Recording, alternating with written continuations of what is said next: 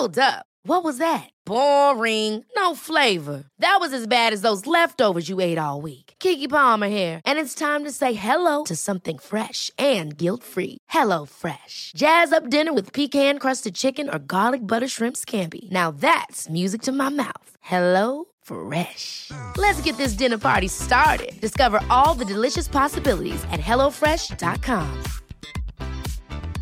Hiring for your small business? If you're not looking for professionals on LinkedIn, you're looking in the wrong place. That's like looking for your car keys in a fish tank. LinkedIn helps you hire professionals you can't find anywhere else, even those who aren't actively searching for a new job but might be open to the perfect role. In a given month, over 70% of LinkedIn users don't even visit other leading job sites. So start looking in the right place. With LinkedIn, you can hire professionals like a professional. Post your free job on linkedin.com slash people today. Life is full of what ifs. Some awesome, like what if AI could fold your laundry? And some, well, less awesome, like what if you have unexpected medical costs? United Healthcare can help get you covered with Health Protector Guard fixed indemnity insurance plans. They supplement your primary plan to help you manage out of pocket costs. No deductibles, no enrollment periods, and especially no more what ifs. Visit uh1.com to find the Health Protector Guard plan for you.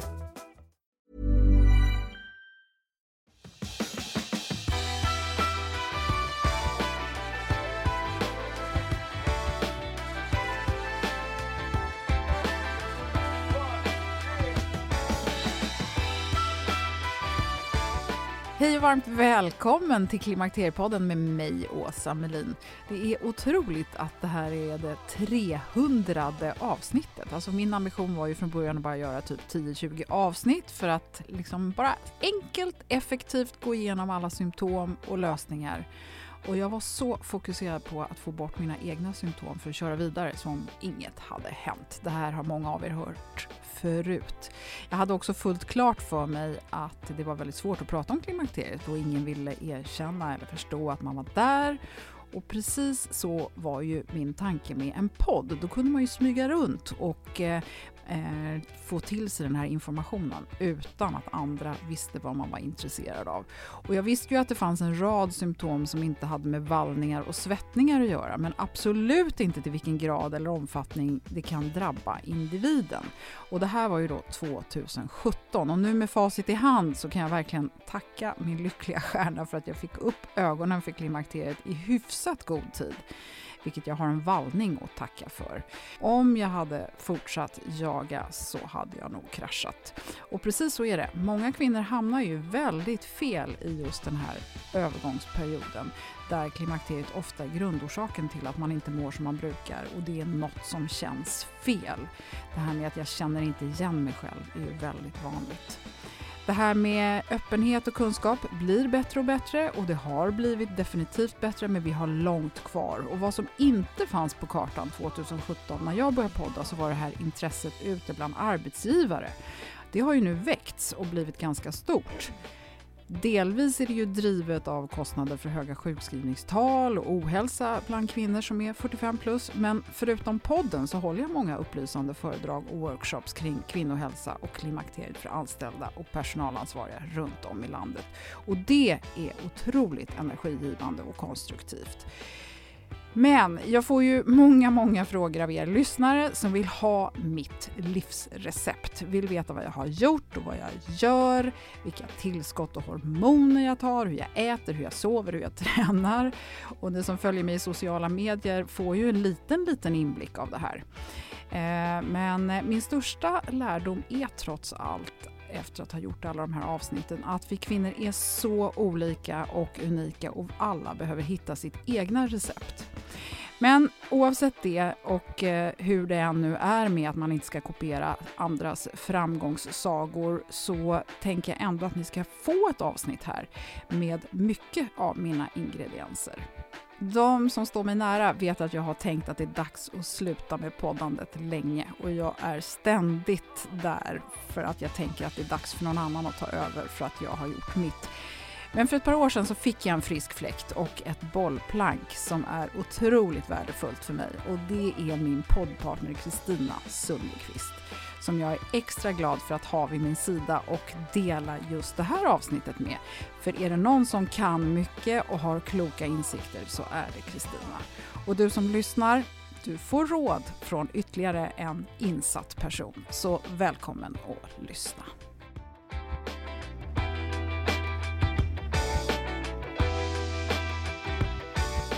Hallå Kristina, vilken ynnest att få fira det här avsnitt 300 med dig. Och eh, Kristina Sundekvist, jag vill önska dig hjärtligt välkommen. Hur mår du? Jo, men jag mår bra.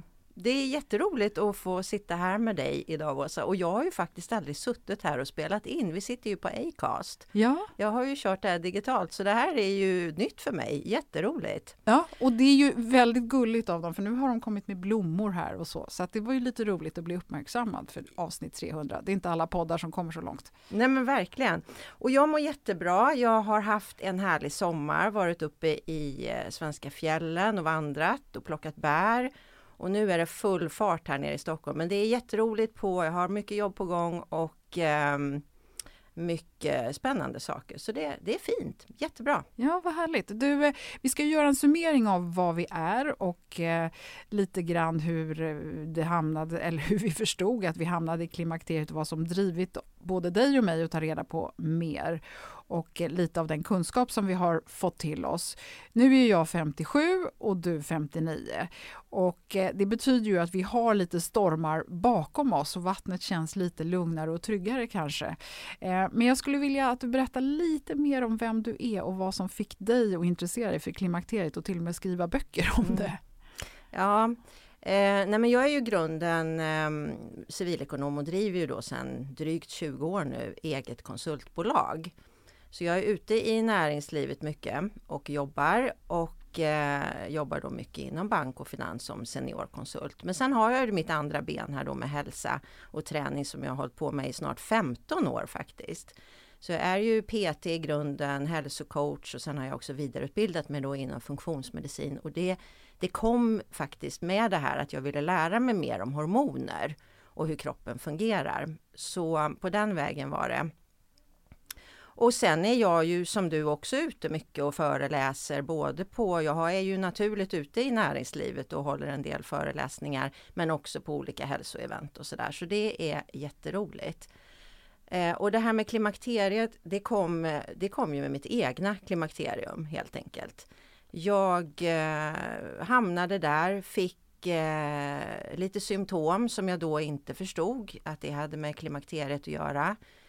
Eh, och började... Hur, hur, gammal var du då? Mm, det här var strax före 50 och då fick jag faktiskt ont i mina ben, baksida lår, hamstrings. Och jag kunde inte förstå vad det var.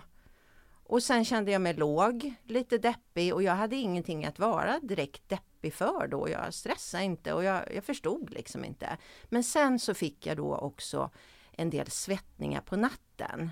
Inte sådär hysteriskt men det var ändå så jag förstod, ja men vänta lite nu här, nu är jag snart 50 och jag svettas på natten.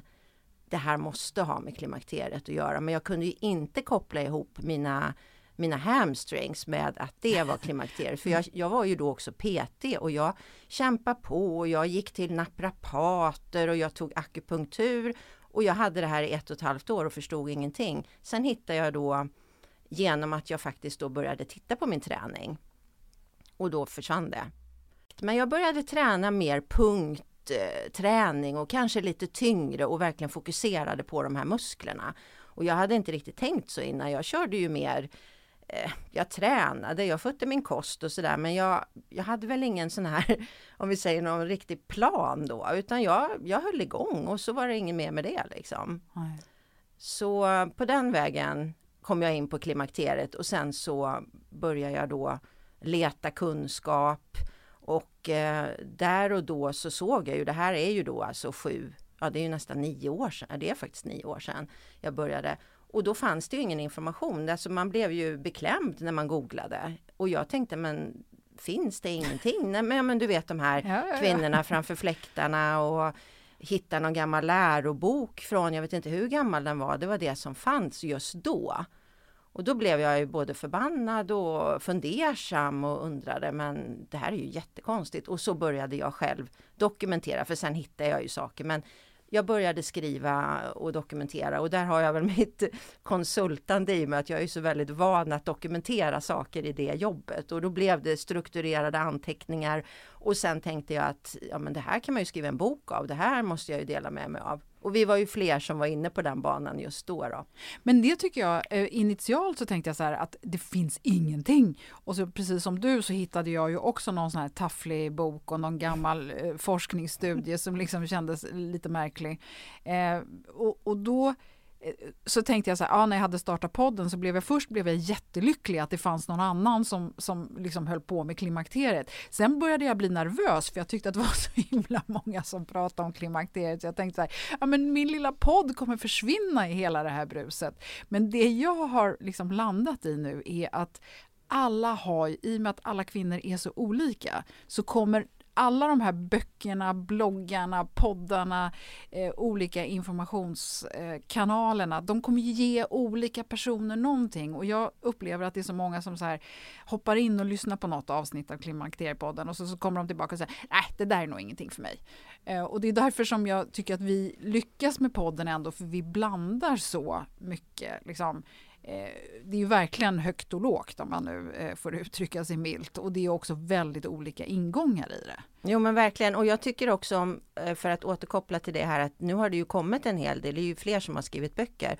Och det tycker jag också är intressant att se för att alla de här böckerna som har kommit de har ju också olika inriktningar. Så det, det finns ju det finns ju intressanta saker. En del är mer inriktade på hormoner. Mina böcker är ju mer inriktade på livsstil och det är ju där jag har hållit mig mycket mer. Liksom.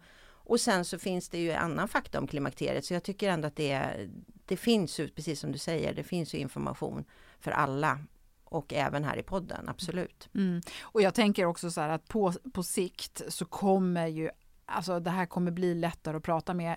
Eh, I förra avsnittet så hade jag ju med mig Anita Clemens och hon är ju då 45 år och lite grann skulle få representera nästa generation. Och hon sa så här, ja, men vi är nog inte riktigt där för att vara helt öppna. Medan hon sa så här, men de andra tjejerna, de som är 35 idag, de kommer lösa det här. De har redan löst så mycket annat som handlar om moderskap och liksom. Mm. Eh, så att hon tror att det här kommer lösa sig. Och jag, åh vad jag önskar att det kommer vara så. För då kommer det liksom vara så mycket lättare. Om bara vården orkar hänga med eh, och inte alla blir hänvisade till privata alternativ så, så kommer det här eh, bli en bra period tänker jag. Jo men vi är ju först om man säger så, men det är ju, det är ju vi som har börjat prata om det mer just nu om vi tittar på om jag tittar på min mamma och den generationen, de pratar ju inte alls om det här till exempel. Eh, och eh, vi, eh, ja, vi har ju inte heller varit där riktigt och jag tycker ju fortfarande att det pratas ju inte om det. Alla pratar ju inte om det nu heller utan det är ju fortfarande en del som, eller det är ju mycket som i det här att man tycker det är skämmigt att prata om. Mm. Det ligger ju fortfarande kvar. Ja och där är ju mycket den här åldersfixeringen att man liksom inte vill bli eh, liksom ihopbuntad med ett gäng gråa tanter och där tycker jag att du och jag och vi som nu är liksom i den här övre 50-årsskiktet och, och liksom i början på 60, där gäller det ju verkligen att våga stå kvar och visa att nej, men det är inte så farligt och man rasar inte ihop och man är inte förbrukad. Och vi, faktum är ju att vi har inte råd att tappa fart i 50-årsåldern om vi nu i bästa fall kan gå i, i pension när vi är 67, liksom, som det ser ut eh, nu. Eller hur? Absolut, och där tycker jag också det här, och det är ju något som jag pratar mycket om, att jag vill ju alltid lyfta det här att vi har det naturliga åldrandet också för att klimakteriet är ju en fas som är väldigt turbulent på grund utav de här hormonella förändringarna, den här övergången vi faktiskt går igenom. Men sen när det då lugnar sig, där du och jag är nu, så kan jag ju säga att det är ju fortfarande saker som händer. Och det är ju, tror inte jag, det är ju inget klimakterium längre, men nu har vi ju kommit in i en period där hormonerna är mycket lägre och nästan obefintliga. Och sen har vi åldrandet och här kommer vi ju fortsätta så jag tror att det här kommer vi kommer ju vara i ett läge när vi är 60 och ett när vi är 70 och det här tycker jag känns ganska spännande att se hur, hur möter man det här? Mm. Och då blir det ännu viktigare att börja om man inte har börjat innan klimakteriet att man då börjar nu och ta hand om kroppen och förstår att det är inte bara klimakteriet här utan vi måste fortsätta med de här olika sakerna och lyssna på kroppen. Jag tycker det är Ja, det tycker jag är otroligt klokt eh, sagt. För att jag tänker att om man ser tillbaka på sin liksom 20, 30, 40, 50. Inget har ju varit det andra likt, så varför skulle plötsligt 60 vara lika med 50 och 60 vara lika med 70? Nej, men ja, bra. Du, eh, om vi nu skulle liksom tänka på, eh, om jag nu har räknat rätt så har du gjort ungefär 16 avsnitt av Klimakteriepodden. Och eh, jag är bara så nyfiken på, i och med att du ha, har och har haft så mycket kunskap med dig in i det här redan från början, vad har varit det intressantaste och vad har varit den största ögonöppnaren för dig. Ja. Du menar när jag har gjort eh, avsnitten i podden ja, här? precis, mm. för du har ju liksom själv haft väldigt fria tyglar i att komma med förslag på vad du mm. skulle vilja lära dig mer om. Mm. Eh, för det första tycker jag 16 avsnitt, det var, men det, det stämmer nog, det var många avsnitt. Ja. Men, eh, nej, men jag har tänkt, jag har faktiskt tänkt mycket utifrån det här med livsstil och, och åldrandet och sen har jag ju haft med mig genom att jag i princip har lyssnat på det kan vara något avsnitt som jag kan ha missat, men jag tror jag har lyssnat på de flesta avsnitt. Så har jag tänkt att men det här kan vi gå lite djupare i. Det här kan vi titta mer på och så har jag bollat det med dig också och så tänker jag, men kan man göra ett avsnitt av det här då? Eller kan vi baka ihop det med någonting annat? Och, så jag försöker alltid tänka ett steg till där. Finns det här, finns det ett intresse? Och det har jag ju märkt i, i flera avsnitt också att men det här var ju någonting som var jätteintressant. Eh, och de flesta av mina avsnitt har väl varit mycket livsstil tror jag och inriktat till hur kroppen fungerar. Mycket träning, mycket kost till exempel. Eh, och sen tycker jag att det är ju det är också spännande det här att då hitta gäster för det är ju inte det lättaste alla gånger. Om man nu liksom tänker på att man ska fortsätta på det här när vi förstod att vi var i klimakteriet och hur vår livssituation var då. Jag levde ju relativt hälsosamt. Jag, liksom jag tränade och jag, jag åt bra och sådär men jag hade ingen plan. Jag hade inte funderat så mycket på hur jag tränade kanske och vad jag åt och jag har väl inte heller haft så jättemycket problem eller varken med kostvikt eller träning eller sådär. Men vad jag märkte då som var ytterligare en grej, det var ju att jag blev ju plötsligt då känslig för viss mat. Och magen har väl jag har, har väl lite utav en IBS-mage sådär så att jag har fått vara försiktig men inte haft problem. Men det kände jag faktiskt att det var någonting som kom och det fattar jag inte heller. Jaha, vad, vad konstigt så här. Um, så um, det var ytterligare en sak men annars så var väl inte det det första jag tänkte på. Sen tror jag att jag jag kan inte säga att jag hade ett jättes, en jättesvår fas just där när jag klev in i klimakteriefasen. Men det kan ju också hänga ihop med att jag levde ett ganska sunt liv. Det har jag tänkt på så här i efterhand. Att jag ändå höll igång och åt bra och så vidare. Så att um, ja. Mm. Nej men för, jag, för mig var det ju så tydligt att sömnen började liksom verkligen strejka och jag har alltid varit så sömnfixerad. Ända sedan jag var liten så har jag lite blivit retad för att jag ville gå och lägga mig tidigt och sådana här saker. Så jag har aldrig varit en nattuggla och jag gillar ju att komma upp på morgonen och jag tycker om att liksom vara aktiv och ha mycket energi och jag har alltid liksom haft någon slags stolthet i att jag är liksom aktiv och jag är i full fart och, och, så vidare. Och har också gått på de här minerna i att alltid vara den som ställer upp och alltid varit den som eh, har varit först i kön när någon säger kan vi göra något? För det är den duktiga flickan som hela mm. tiden har drivit mig. Jag har varit någon slags knarkare i att jag vill ha beröm. Att någon, och det här har jag ju liksom förstått med åren att jag har jättebra självförtroende för jag är aldrig rädd för att ställa upp och göra saker. Men min självkänsla har ju sviktat emellanåt. Och det är då som liksom hela det här att jag har behövt få den här bekräftelsen utifrån hela tiden har liksom kommit. Och det var ju verkligen ett av mina största problem i den här tiden. För jag hade då ett jobb där jag var väldigt driven av att jag var beroende av att andra skulle vara samarbetsvilliga om jag nu ska liksom liksom uttrycka mig eh, på ett sätt. Även om jag var väldigt fri så hade jag då liksom eh, ändå ganska knepiga arbetsuppgifter som, jag, som inte låg i mina händer. Det var inte jag som kunde liksom stå för slutresultatet och jag fick aldrig riktigt det här bra slutresultatet. Och när jag heller inte hade en chef som egentligen satte upp gränser eller tydliga mål så blev det här väldigt knepigt för mig. Så att just det här jagad av dålig sömn, jag fick riktigt, riktigt dåligt humör. Alltså mina humörsvängningar var hemska och det var min man som fick ta det rakt upp och ner för jag lyckades ju bita ihop och hålla ihop det när jag var bland andra människor. Men att odds stod ut eh, några av de här åren, det är faktiskt ett under. Jag kan fortfarande liksom ibland svaja till, men eh, det är väl kanske då mer kopplat till temperament eller vad man nu ska säga. Men, och jag var inte glad. Jag kan inte säga att jag var deppig, för jag var inte liksom nedstämd så att jag satt och grubblade, utan det var bara så här, jag var inte glad.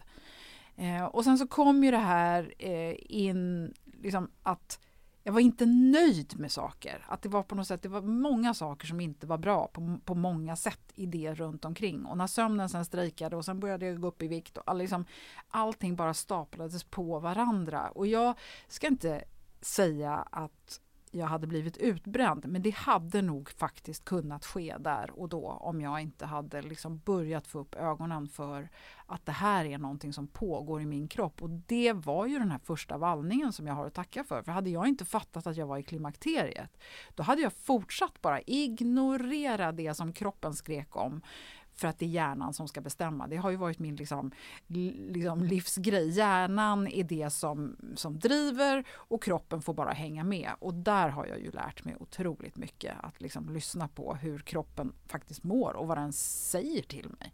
Det är inte bara mm. huvudet som bestämmer.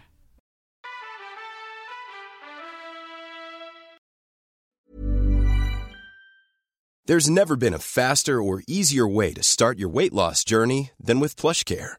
PlushCare accepts most insurance plans and gives you online access to board-certified physicians who can prescribe FDA-approved weight loss medications like Wigovi and Zepbound for those who qualify.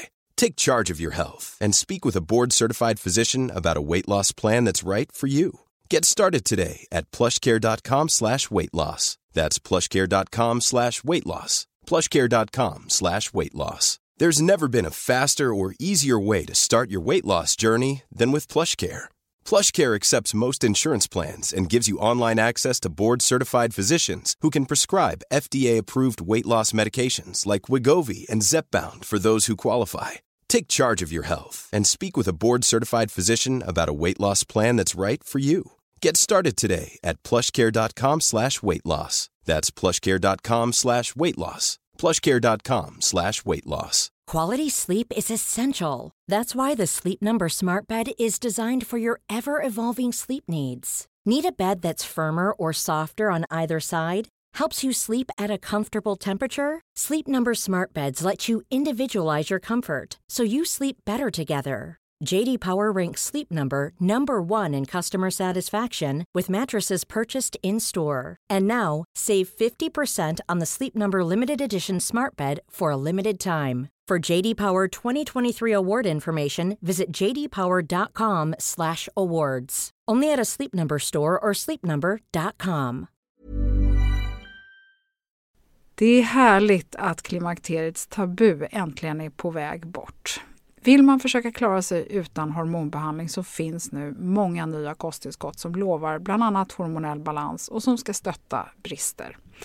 Jag vill lyfta min räddare i nöden, femarell. Det har inte bara varit min utan många andra kvinnors räddning i över 20 år. Och med lång tid på marknaden, med nöjda användare, dessutom med 20 forskningsstudier så vågar jag säga att det kan vara en god idé att prova femarell. Femarel finns på apoteken och i hälsokostbutiker. Tack Femarel som varit min samarbetspartner i många år.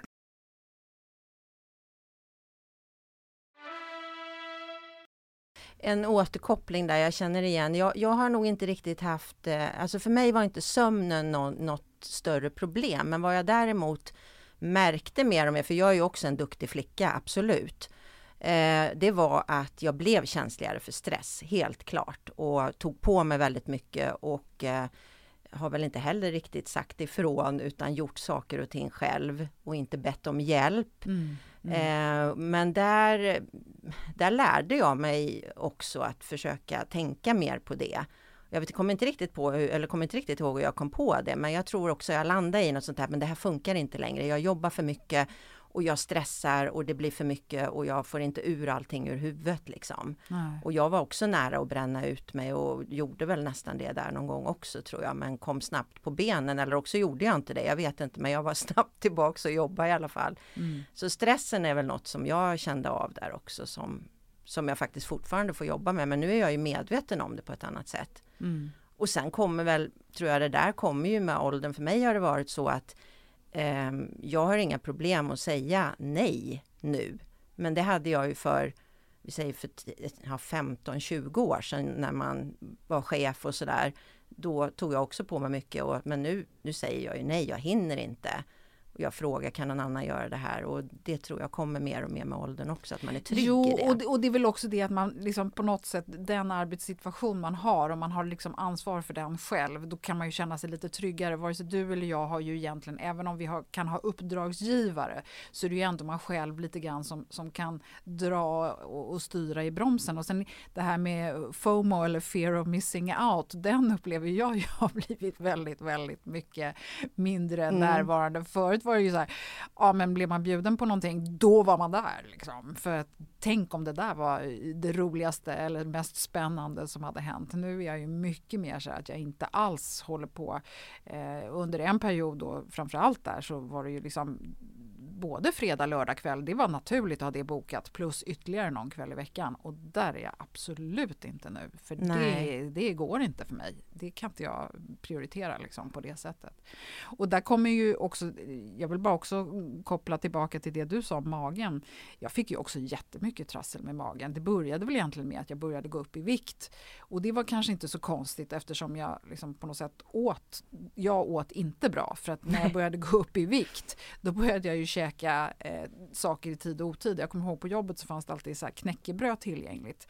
Så jag snappade ju åt mig liksom, först hade jag käkat havregrynsgröt på morgonen och då var jag vrålhungrig efter en och en halv timme och då började jag käka knäckebrödsmackor och sen så käkade jag någon frukt och så drack jag kaffe med en massa mjölk så att mitt blodsocker åkte upp och ner, upp och ner. Ja, så straffet kom till lunch för då fick jag bara en liten sallad och sen var jag hungrig igen vid halv tre och sen så dessutom i paltkoma så jag var supertrött och då var jag ju tvungen att äta igen och på vägen hem från jobbet och pula i mig en Snickers eller liksom någon sån där härlig grej och sen så i med ett glas vin när jag kom hem för att liksom försöka lugna ner hela systemet och så middag och sen krascha i soffan. Liksom. Man, det, man behöver ju inte vara Einstein för att fatta att det där inte var så bra. Och då vill jag också eh, bara berätta det för det är så många som, som liksom kämpar med den här liksom, magen. Det går faktiskt att liksom på något sätt eh, komma över det men man kanske också måste vara lite snäll mot sig själv och inte försöka göra allt på en gång. Men för mig det som gjorde att jag började fundera på kosten var ju att jag fick rosacea. Jag hade jättemycket utslag i ansiktet. Och det var precis lika störande som bilringen runt magen. Att eh, ha en hud som såg ut som... Du vet, jag vet inte hur många olika konstiga preparat jag köpte för att liksom dölja de här eh, utslagen som jag hade. Så det absolut, jag tror magen krånglar för många.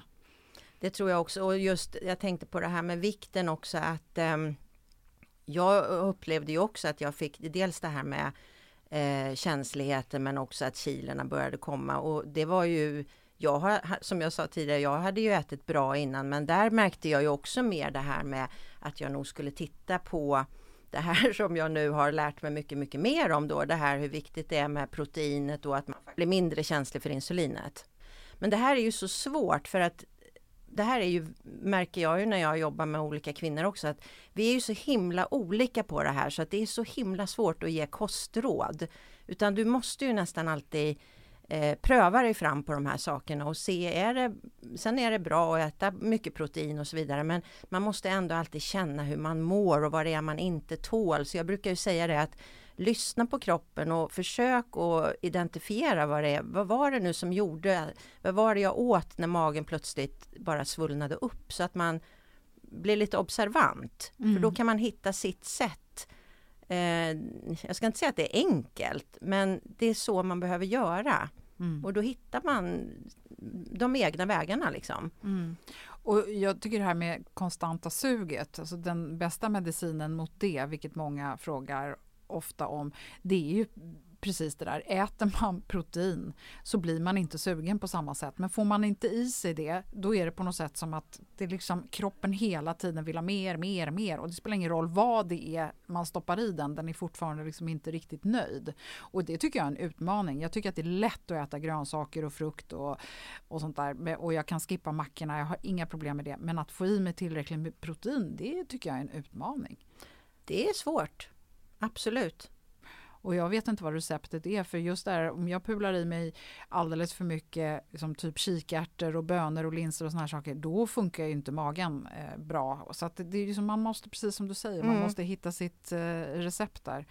Eh, och en del eh, har ju valt att inte äta kött och, och, och fisk och, och, kyckling och då kan det bli eh, utmanande. Men, men då får man hitta, men jag, jag jobbar, eller jobbar det gör jag inte kanske, men jag lyssnar väldigt mycket på min egen kropp på så sätt att jag tittar och jag brukar också reflektera över det där, vilken skillnad det är om jag då äter protein på förmiddagen eller äter en bra lunch med protein och man bara, men gud, nu har hela dagen gått och jag är inte hungrig. Nej.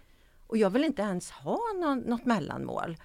Och, men gud, tänk att, och det, det är rätt häftigt när man lyssnar på kroppen, så det, mm. det gör jag jättemycket. Jag har under en period nu haft en, en stor matsked, en rågad matsked eh, eh, ekologiskt osötat jordnötssmör i min frukosttallrik med frukt och yoghurt och lite frön och såna saker. Det har varit eh, väldigt mättande kan jag säga. Mm, det förstår jag. Eh, ja, det är gott. Mycket, ja, gott och ja. mycket fett och mycket allt möjligt. Ja, men, det, har, det har ja. verkligen funkat för mig. Eh, jag vill också bara ta, ta upp det här med liksom vad som har varit de största framgångsfaktorerna och då vill jag faktiskt framhäva, jag, jag snuddade vid alkoholen, men jag, jag måste bara säga att eh, det här med kosten, det var en sak och det har vi pratat om nu. Eh, men skip skippa alkoholen. Det är mitt absolut bästa råd faktiskt. För det sabbar sömnen och man får en falsk trygghet i att man känner sig lugn och skön. Och det kanske man gör efter ett glas. Men det är ingen bra vana att sitta och hälla i sig ett glas vin varje dag och sen kanske öka det här på helgen. Och det pratade jag jättemycket om i det här avsnittet som jag gjorde med Charlotta Gustafsson som handlade om alkohol, så jag behöver inte gå in vidare på det. Men eh, fundera på eh, alkohol om du dricker det och det vet jag att det är många som inte gör, så det är fine. Sen vill jag också poängtera det här med näring, hur viktigt det är att man funderar på vad man äter när man äter och att man också blir lite sämre på att ta upp näring. Och sen just det här med arbetssituationen och stressen. Det är nog det absolut viktigaste, att liksom få ordning på sin återhämtning. Att göra saker som jag mår bra av, som jag vill.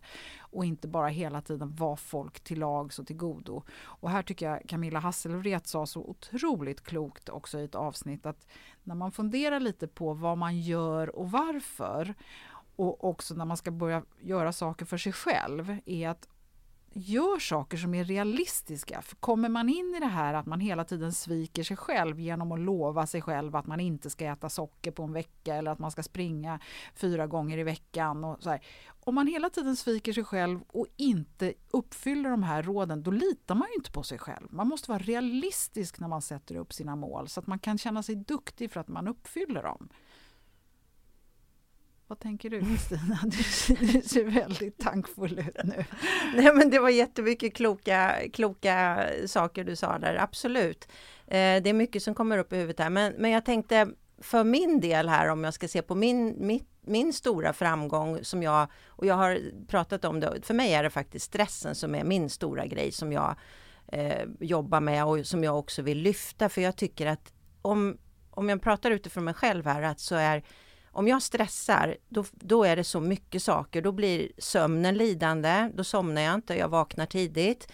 Eh, jag börjar faktiskt slarva med maten fast jag nu ändå sitter och säger alla de här sakerna att jag vet precis hur jag ska äta men då åker mackorna ner, då slinker det ner ostbågar och skumtomtar och allt möjligt i förbifarten. Och jag slarvar med min träning och min träning är superviktig för mig för det är också någonting som jag brukar reflektera över ofta att om det kanske går en vecka bara och jag inte styrketränar, då känner jag att jag får eh, någon sån här olustkänsla i kroppen jag blir rastlös och jag, jag, blir stressad bara av det och inte för att jag måste utan jag bara känner att min kropp vill få det här, vill jobba med musklerna. Och vi vet ju också hur mycket musklerna gör för våra kroppar.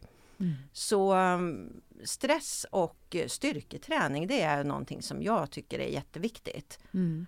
Och det är ju alltid viktigt men jag, för mig så känner jag att det här blir viktigare nu när jag blir äldre och sen vet man, man ju också nu, eller vi, hur, hur vi tappar muskler och vad mycket det då kan, vad mycket tråkigt det kan bli när vi blir äldre.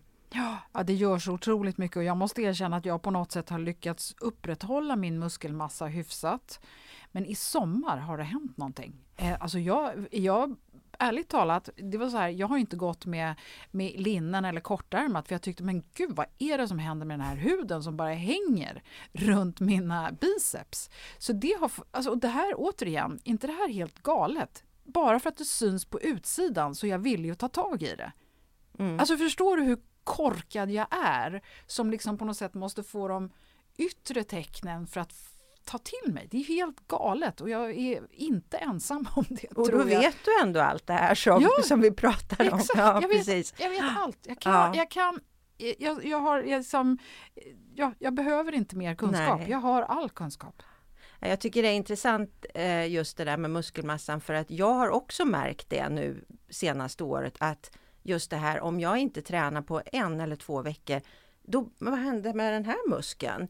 Mm. Den bara inte försvinner ska jag inte säga, men, men det, man tappar så fort. Mm. Och eh, jag reflekterar det här efter sommaren att jag är ute mycket och vandrar och, och sådär. Men jag har inte direkt styrketränat eller tungt när det gäller mina ben.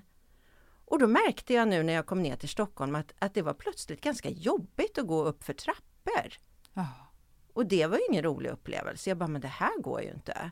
Och då har jag ändå en bra bas, men återigen, det går fort alltså. Och då blev jag faktiskt mörkrädd. Jag bara, men det här går ju inte att hålla på. Så nu kör jag stenhårt med ben alltså. Och då kan jag ju också säga att det kommer ju snabbt tillbaks, alltså det ja. gör det. Men det är ju jobbigare så att återigen, ju tidigare vi börjar desto bättre. Men det tyckte jag var en ganska så obehaglig reflektion, för så mm. har jag aldrig känt förut, att, att jag liksom märker. Nej att det var jobbigt att gå. Och jag märker ju liksom, eftersom jag springer mycket, så märker jag ju på löpningen att den sliter på kroppen på ett sätt som den inte har gjort förut. Och, och, jag behöver verkligen komplettera den. Nu har jag hittat, nu ska jag inte snacka för mycket om det här, men jag har i alla fall sedan ett par veckor tillbaka hittat ett litet sätt att smyga in styrketräning i min vardag genom att inte ha så mycket styrketräning, utan jag gör hundra övningar om dagen. Och sen om det är liksom...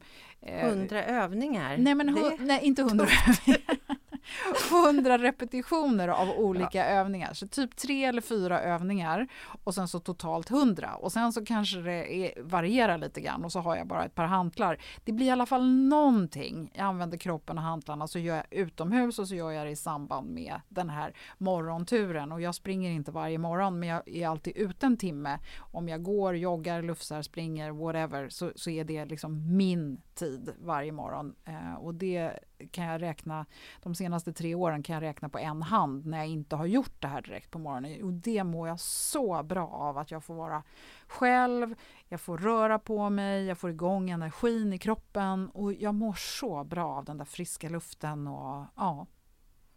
Mm, den ska vi inte heller glömma bort, den friska luften och naturen. Det är ju också någonting som lugnar väldigt mycket när det gäller stress, det känner jag också. Mm. Att eh, det är superviktigt. Och och det här att få in styrketräningen när man är ute och går eller springer, det är ju ett jättebra sätt. Vi ska ju inte glömma bort att alla de här sakerna vi gör, det finns ju olika verktyg ute i naturen. Det finns eh, stockar man kan lyfta och kvistar och ja. stenar och allt möjligt. Men eh, att man inte tappar det, det är Nej, och sen så tycker jag smygträna lite grann. Inte liksom banga för att lyfta de där matkassarna och inte hela tiden underlätta det som är jobbigt i vardagen, tänker jag, är ett sätt att liksom smyga in det här. Mm. Ja, men så brukar jag också tänka det här att eh, böj dig ner en extra gång om du ska plocka upp någonting eller eh, sätt dig inte på en stol när du ska knyta på dig skorna. Till Nej, exempel, precis. utan sätt dig på huk. Ja. Och, och sen brukar jag också tänka så ja men gå, gå två gånger och bär de där kassarna och mm. gå lite längre. Jag tänker väldigt mycket så och framförallt gå upp för alla trappor då med kassar. Och, och, stå på ett ben när du borstar tänderna för att jobba med balans och mm. lite sån här. Ja. Du, eh, sen är det ju det här med tillskott, kosttillskott och hormoner och grejer. Eh, det här är ju alla supernyfikna på. Eh, och jag har tagit massor med tillskott genom åren och jag tar fortfarande många tillskott och jag gör det lite i omgångar. Eh, sen så valde ju jag ju ganska så tidigt efter att jag började med podden att eh, lyssna på alla läkare som pratar om hormoner. Så här, wow, det här, måste, det här får inte jag missa. Det här låter som det bästa undret. Så jag har experimenterat med eh, hormoner under hela den här perioden också fram och tillbaka och lite på lite olika sätt. Och jag vill poängtera där att jag har haft en gynekolog vid min sida som också har tyckt att det var intressant att lite grann experimentera med mig. Vi har jobbat mycket med provtagningar, vi har hållit på mycket med doser upp och ner och lite sånt där. Eh, nu låter det här superexperimentellt, det har det kanske inte varit riktigt så eh, utstuderat men jag har hittat ett sätt att hantera mig själv och det jag tar men inte bara som en quick fix och jag tänker inte liksom säga att så här ska någon annan göra och det här är framgångsreceptet. Men jag tror ju väldigt, väldigt starkt på att man ska ta hjälp när man inte mår bra och man ska se till att man får prata med en kunnig gynekolog som kan förklara vad som är bra eller mindre bra, vad man kanske har för utmaningar med sig in i det här och vad man inte har. Men gynekologer kan inte prata om kosttillskott. Det gör de absolut inte. Så där måste man liksom själv hitta det som kan vara eh, bra eller dåligt. Och Kristina, det här är någonting som du är ganska insatt i. Mm. Ja, men jag har ju eh, jag har ju gått en, en, annan väg då om vi säger så när det gäller just eh, tillskott. Jag har ju också jobbat en del med, med tillskott och jobbar också med eh, jag, jag, tar eh, regelbundna prover då och tittar vad, jag, vad det är jag behöver för någonting. Så jag, jag har ju tar ju nästan alltid då till exempel ett tillskott utav järn. Och sen tar jag Omega 3 för att det var också någonting som jag testade och såg att jag behövde balansera upp då.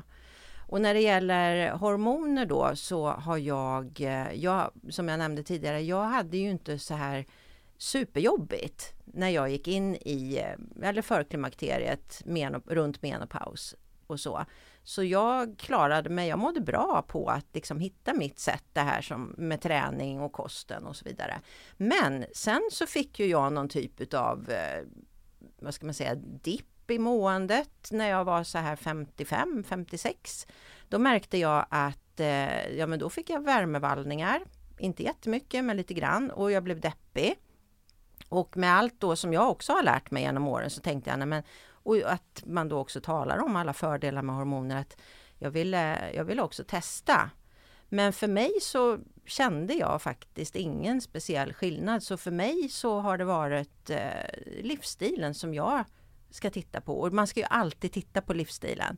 Men det här är ju ett sånt tydligt exempel på att det, det funkar ju heller inte för alla. Och jag kunde nästan känna själv att jag eh, jag fick ömma bröst och jag kände hela, jag, jag bara, men det här känns inte, jag tror inte min kropp mår så bra av det här. Sen gick inte jag vidare och, och provade någon, någon, annan dos eller så utan jag kände men jag, jag går nog tillbaks och, och har mått jättebra utav det. Så mm, ja men det är svårt och, men jag tycker ju ändå att man ska ju inte plocka i, eller stoppa i sig när det gäller olika tillskott vad som helst för att det, man kan ju, det är ju en djungel. Om du läser på det här och den ena äter det, den andra tar det och så står, läser man i någon, någon så här hälsomagasin att det här ska du ta. Och en del plock, plockar i sig allt möjligt och frågar ja, men vad äter du för någonting? Utan jag tycker faktiskt det är ganska viktigt att titta på vad man verkligen behöver och titta på kosten och kosten räcker inte alltid till. Men att man, att man tittar på det där utifrån sig själv och hur man mår. Och där kan vi väl prata bara om D-vitamin kort. Eh, du eh, har ju ett eh, avsnitt som dyker upp om D-vitamin för du mm. själv fick en liten awakening ja, där. precis. Jo, jag testade då mina värden. Då hade jag, jag hade inte superlågt på D-vitamin men det låg ändå i det lägre spannet. Och det här var tidigt i våras. Så att jag hade väl inte fått så mycket sol på mig än i och för sig. Men det var också en sån här liten eh, upp, ett uppvaknande, för jag brukar äta D-vitamin under vintern, men hade faktiskt slarvat lite då de senaste månaderna där tror jag. Mm. Eh, så det var intressant, ja. Mm. Absolut. Mm. Och D-vitamin är ju viktigt också för, för många saker, för måendet och för skelettet. Men som sagt, jag jobbar på ett avsnitt där så det kommer snart. Ja, nej, men mm. det, blir, det tycker jag ska bli ja. jätteintressant för det där tycker jag är lite svårt.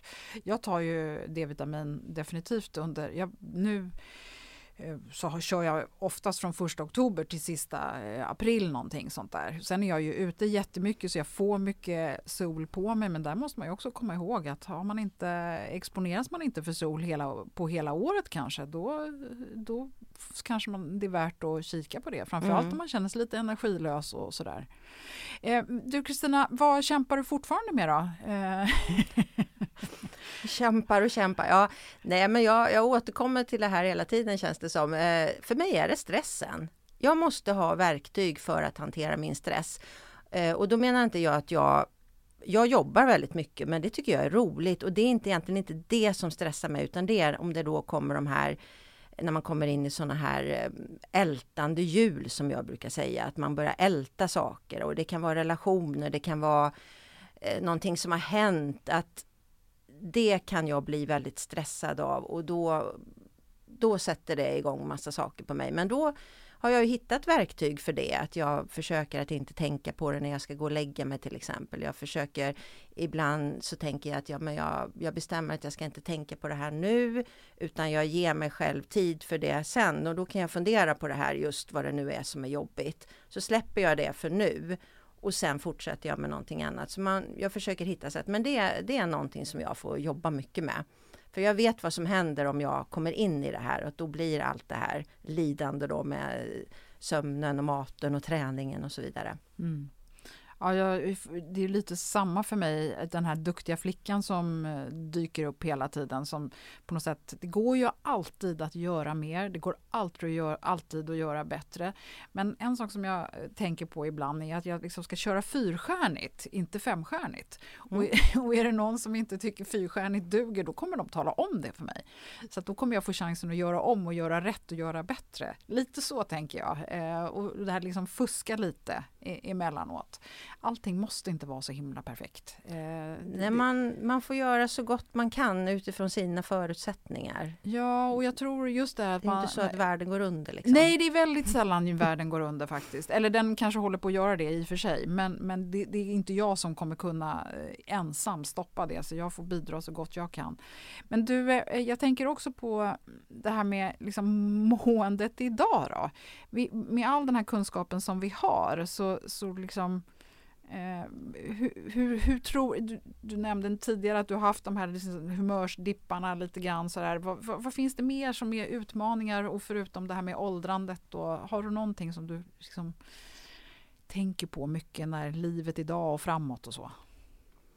Jag tänker, eh, jag tänker mycket på åldrandet utan att, alltså inte negativt så, utan jag tänker på hur viktigt det är att ta hand om sig med all den här kunskapen som man har och även då känner hur kroppen reagerar och, och mår, att hur viktigt det är att vi, vi ska ta hand om oss för att då må så bra som möjligt. För det kommer hända saker längre fram och det finns livsstilssjukdomar och så vidare och vi blir mindre eller mer och mer känsliga för det som vi utsätter oss för mm. när vi blir äldre. Ja, motståndskraften blir ju liksom ja. mindre på något sätt. Och jag ja. tänker bara så här hur man mår när man har eh, legat nerbäddad i en förkylning eller om man haft covid eller någonting. Alltså det är ju, det, man kommer ju, det, det, man måste tillbaka liksom. Och det, det kan vara rätt segt. Mm. Men eh, samtidigt så känner jag ju en otrolig, eller vad ska vi säga, tacksamhet också mot, eller både till mig själv att jag, att jag har lärt mig så mycket att jag liksom ändå valde att inte, men nu är inte jag en sån person, jag är ju en sån person som alltid vill förstå saker. Att, ja, varför mår jag så här som jag gjorde då för nio år sedan där när jag klev in, vad är klimakteriet? Jag kan ju inte bara acceptera det utan då ska jag ju förstå. Och det var ju därför jag började då. Men jag, jag är väldigt glad för det för jag har lärt mig jättemycket under mm. de här åren. Och um, sen tycker jag att det är fantastiskt roligt att få dela med mig och få hjälpa i den mån man kan. Mm.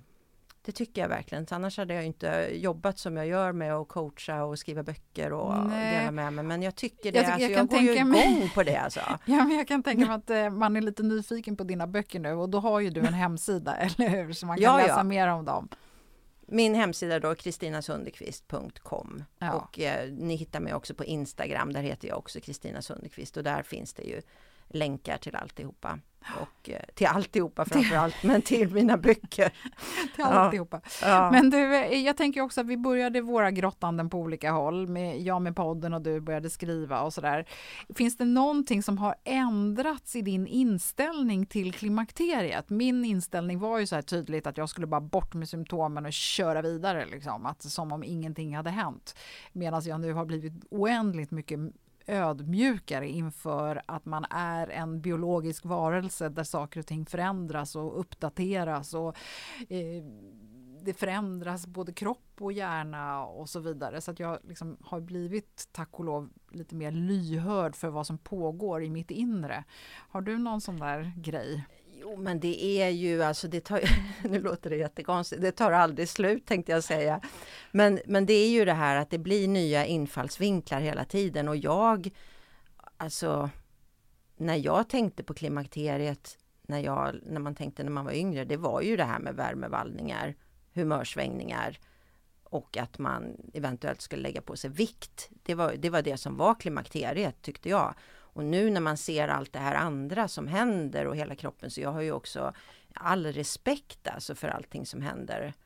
Och har en helt annan inställning till och alla de här avsnitten också tycker jag eh, om man tittar igenom alla avsnitt i podden här är ju också, de täcker ju in så mycket. Och där skulle jag också vilja eh, säga en grej som jag själv har reflekterat över när jag lyssnar på de här avsnitten. För flera avsnitt har jag ju lyssnat på flera gånger. Och det, har bara blivit så, ja men ibland, ja men jag ska lyssna på det här avsnittet. Och då märker jag att då kanske jag är, då kanske det är tre år senare eller ett år senare och då är jag ju en helt annan fas. Eller jag kanske är eh, mer eh, benägen att ta till mig saker. Så jag tycker ju att jag kan ju lyssna på avsnitt och höra nya saker hela tiden. Så det tycker jag är ett väldigt bra tips för att man får ju tänka då att vi är i för klimakteriet, vi är i me- runt menopaus och sen efteråt och då kanske man tar till sig olika saker. Du har ju också hjälpt mig att hitta några eh, avsnitt som har varit värda att och faktiskt reprisera och lägga upp igen för att sätta ljuset på. Det är många som kommer till hela tiden som lyssnar på podden och då börjar man kanske inte från, det känns lite övermäktigt att börja på avsnitt ett när det finns 300 serverade. Så att det, det är värt att lyfta några av dem och det håller jag verkligen med om. Ibland kan jag lyssna på ett avsnitt så här, men gud har jag spelat in det här? Är det verkligen jag som, som sitter där inne? Har jag hört det här? För det är så intressant hur man liksom hör saker på olika sätt. Jo men vi sa ju det i somras när vi skulle plocka fram de här avsnitten. Både du och jag, "Nej, men det här var ju jättebra det här avsnittet. det, det kan väl passa att ta. Och då var det ju några där som, jag tror det var något som inte jag hade lyssnat på heller men eh, det, ja, nej, men det är intressant. Ja. Nej, men, och jag tycker också så här att det är så intressant också hur jag har ändrat inställning till klimakteriet och till mig själv och så där under de här åren som jag har hållit på med det här. Och jag är så tacksam för på något sätt nu att jag hamnade i klimakteriet. Vil- vilken spännande resa det Vilken har varit. grej! Ja, men det har varit en spännande resa för mig. Alltså sedan hösten 2018 har jag ju bara jobbat med det som är relaterat till kvinnohälsa och podden och framförallt har jag jobbat med mig själv. Vilken ynnest! Alltså det är ju fantastiskt. Hade jag inte fått den där vallningen och fattat att jag var i klimakteriet, då vet jag inte vad jag hade varit just nu faktiskt. Nej, nej men det är häftigt. Ja. Verkligen. Ja, nej, men man, eh, sen har jag ju träffat så mycket spännande människor som har haft så mycket olika infallsvinklar i det här med, med eh, liksom klimakteriet, om man nu ska se den här lite filosofiska eh, delen. Eh, så, så, alltså jag hade, eh, jag hade aldrig utsatt mig för många av de här samtalen som jag har haft, som jag tycker är jättespännande, som jag kanske inte heller hade varit öppen för för tio år sedan. Nej, och det ena ger det andra också med de här personerna man kommer i kontakt med tycker jag. Så det är ju också en väldig lärdom. Finns det någon sån här rekommendation som du skulle vilja kasta in här? Ja, jag tänker på, ja men jag pratar ju mycket om styrketräningen här och det tycker jag är det är så viktigt och det var ju faktiskt någonting som jag själv inte förstod tidigare hur viktigt det var. Och det är ju viktigt i, i alla de här faserna. Och är man då en kvinna nu som är 40 plus, 45, då tycker jag ju att den kvinnan har väldiga fördelar på något sätt. För kan ju börja jobba med den här muskelmassan redan nu för att det blir ju skillnad mm. när man är närmare 60 som jag är nu. Mm. Så är det ju. Så jag tycker den här med träningen är superviktig. Och sen skulle jag vilja förmedla också den här kun att man verkligen är nyfiken och lär sig. Man, då menar inte jag att du behöver sitta och plöja varenda bok och lyssna på varenda avsnitt eller behöver inte gå in på detaljer men att man ändå förstår vad klimakteriet är och vad det är för symptom. Så att eh, så man inte bara står där utan förbereder sig för då blir allting så mycket enklare för då kommer du förstå och du kanske också kan eh, börja jobba med din kropp och med din livsstil och vet vad du ska säga om du behöver söka vård för att du ändå förstår lite mer. Och sen just det här att, att lära sig att lyssna på kroppen, för det tycker jag också är ganska häftigt faktiskt. Mm. Och med kunskap så är det också enklare att lyssna på kroppen och förstå. Och då blir det ganska intressant att testa lite nya saker. Och man behöver inte göra en jätteförändring i sitt liv. Det kan räcka med att du prövar att byta ut eh, något livsmedel eller bara börjar gå ut och gå på morgonen och, och så märker man att det händer någonting med kroppen här eller så. Mm. Så um, kunskap och att lyssna på kroppen tycker jag är jätteviktigt så man inte bara kör på. Mm. Och det här är viktigt i alla faser. Mm. Om vi pratar om klimakteriefaserna då. Ja. Nej, för jag, eh, en sak som jag vill lägga till här är att jag får ju kontakt med och träffar en hel del kvinnor som är oerhört ledsna. Som liksom har en livssituation som är väldigt utmanande på många sätt. Och det kan vara eh, kopplat både till arbetssituation, hur man har det hemma. Det kan vara utmaningar med barn, föräldrar, eh, syskon, eh, män, eh, andra partners eh, ja, överhuvudtaget. Jag har väldigt, väldigt stor respekt och även ödmjukhet inför att jag förstår att det är det här med att ta tag i sin livsstil och man ska äta så nyttigt och man ska vara så himla hurtig och du ska styrketräna och hit och dit. Alltså jag har stor, stor respekt för att det inte är så lätt alla gånger. Men alla kan göra någonting för sig själva. Precis. Och det här är tiden för kvinnan att bli mer självisk. Eh, jag skulle vilja påstå att män kanske måste backa och göra tvärtom. Men vi kvinnor, om man nu liksom verkligen ska generalisera, vi är så duktiga att genom livet hålla på och curla allt och alla runt omkring och hålla allt i, liksom, hålla i allt. Släpp!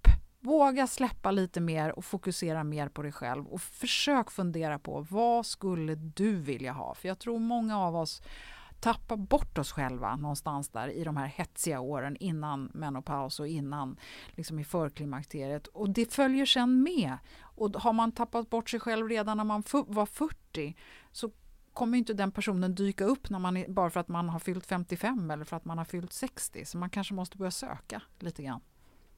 Just det här att backa tycker jag också är jätteviktigt, det håller jag med om. Att mm. man backar och känner efter och inte bara kör på. Mm. Mm. Vad bra. Du, eh, om du hade varit 45 igen då? Du hade väl styrketränat sa du? Ja, det hade jag gjort, absolut. Ja, ja. Eh, jo, men det hade jag och det gjorde jag då, men inte på samma sätt som jag hade. Om jag hade vetat om alla de här sakerna när jag var 45, då hade jag eh, faktiskt tränat eh, mycket tyngre. Så jag hade jag körde nog mer aerobics eh, och lite styrka. Mm. Det var mer så. Och sen hade jag läst på. Mm. Ja, jag hade också det hade jag absolut gjort. Så jag hade mig. förstått det här och, och kollat vad jag skulle kunna göra. Så det, det, kan jag, det hade jag sagt till mitt 45-åriga jag idag. Ja. För det är de grejerna som jag kan känna nu i efterhand att, att det hade varit ganska härligt att veta allt det här. Eller i varje fall mer än vad jag visste då, så jag hade förstått. Mm. Ja, och jag hade ju då sagt att jag eh, hade mått väldigt bra av att lyssna på min kropp och inte på hjärnan. Och det, eh, ja, jag har blivit lite klokare faktiskt med åren. Det måste jag säga. Kristina, vi ska sluta nu tänkte jag. Ja. Ja. Jag tyckte det var trevligt att sitta här och prata. Ja, Ja. men du, Nej. är det något annat du vill lägga till eller något avsnitt som du gärna skulle vilja highlighta eller lyfta upp? Nej, jag skulle, jag skulle vilja återkoppla till det jag sa tidigare, att just det här att eh, lyssna gärna på de här avsnitten flera gånger och eh, reflektera för att det finns så mycket kunskap i de här avsnitten, verkligen. Mm.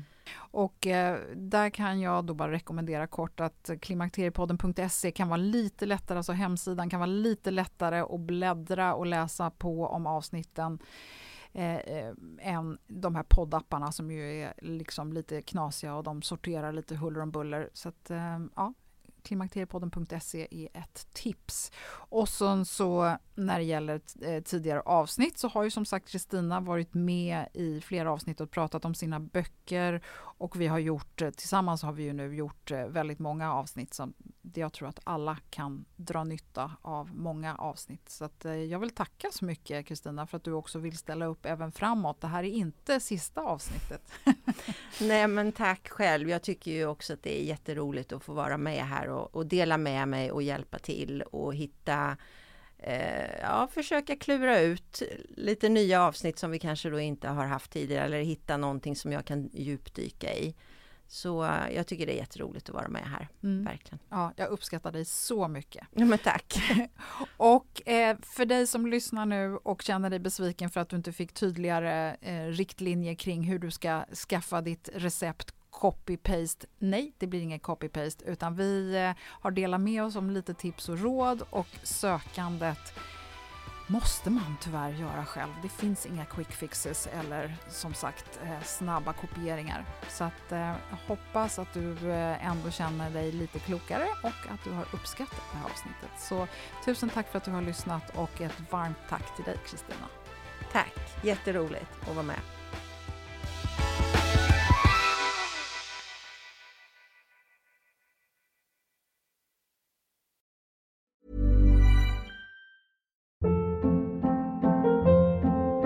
Hold up. What was that? Boring. No flavor. That was as bad as those leftovers you ate all week. Kiki Palmer here, and it's time to say hello to something fresh and guilt-free. Hello Fresh. Jazz up dinner with pecan-crusted chicken or garlic butter shrimp scampi. Now that's music to my mouth. Hello Fresh. Let's get this dinner party started. Discover all the delicious possibilities at hellofresh.com.